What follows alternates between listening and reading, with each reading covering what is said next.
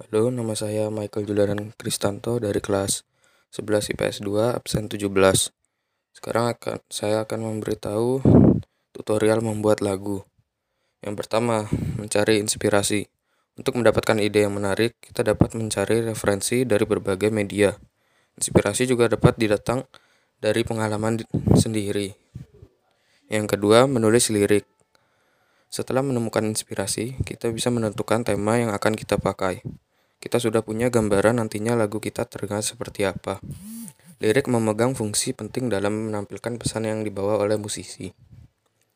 Yang ketiga, memilih genre. Banyak genre, banyak genre yang dapat kita pilih. Kita harus menentukan dari segi teknik agar lagunya enak didengar. Kita bisa melakukan riset sederhana agar dapat menemukan karakter lagu yang tepat. Yang keempat, menentukan struktur lagu. Menentukan struktur lagu diawali dengan bagian awal, tengah, dan akhir. Kita dapat menentukan bridge, chorus, yang sesuai dengan lagu. Yang kelima, membuat nada.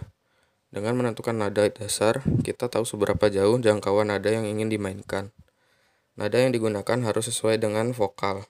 Setelah menentukan nada dasar, kita bisa mulai menentukan nada di lagu dengan menyesuaikannya pada lirik. Dan yang terakhir, yaitu rekam dan upload. Setelah musik dan lirik sudah pas, kita harus coba memainkan lagunya dahulu. Setelah itu, kita coba untuk merekamnya dan hasil rekaman tersebut dapat dipublikasikan untuk mendapatkan kritik dan saran yang membangun. Sekian, terima kasih.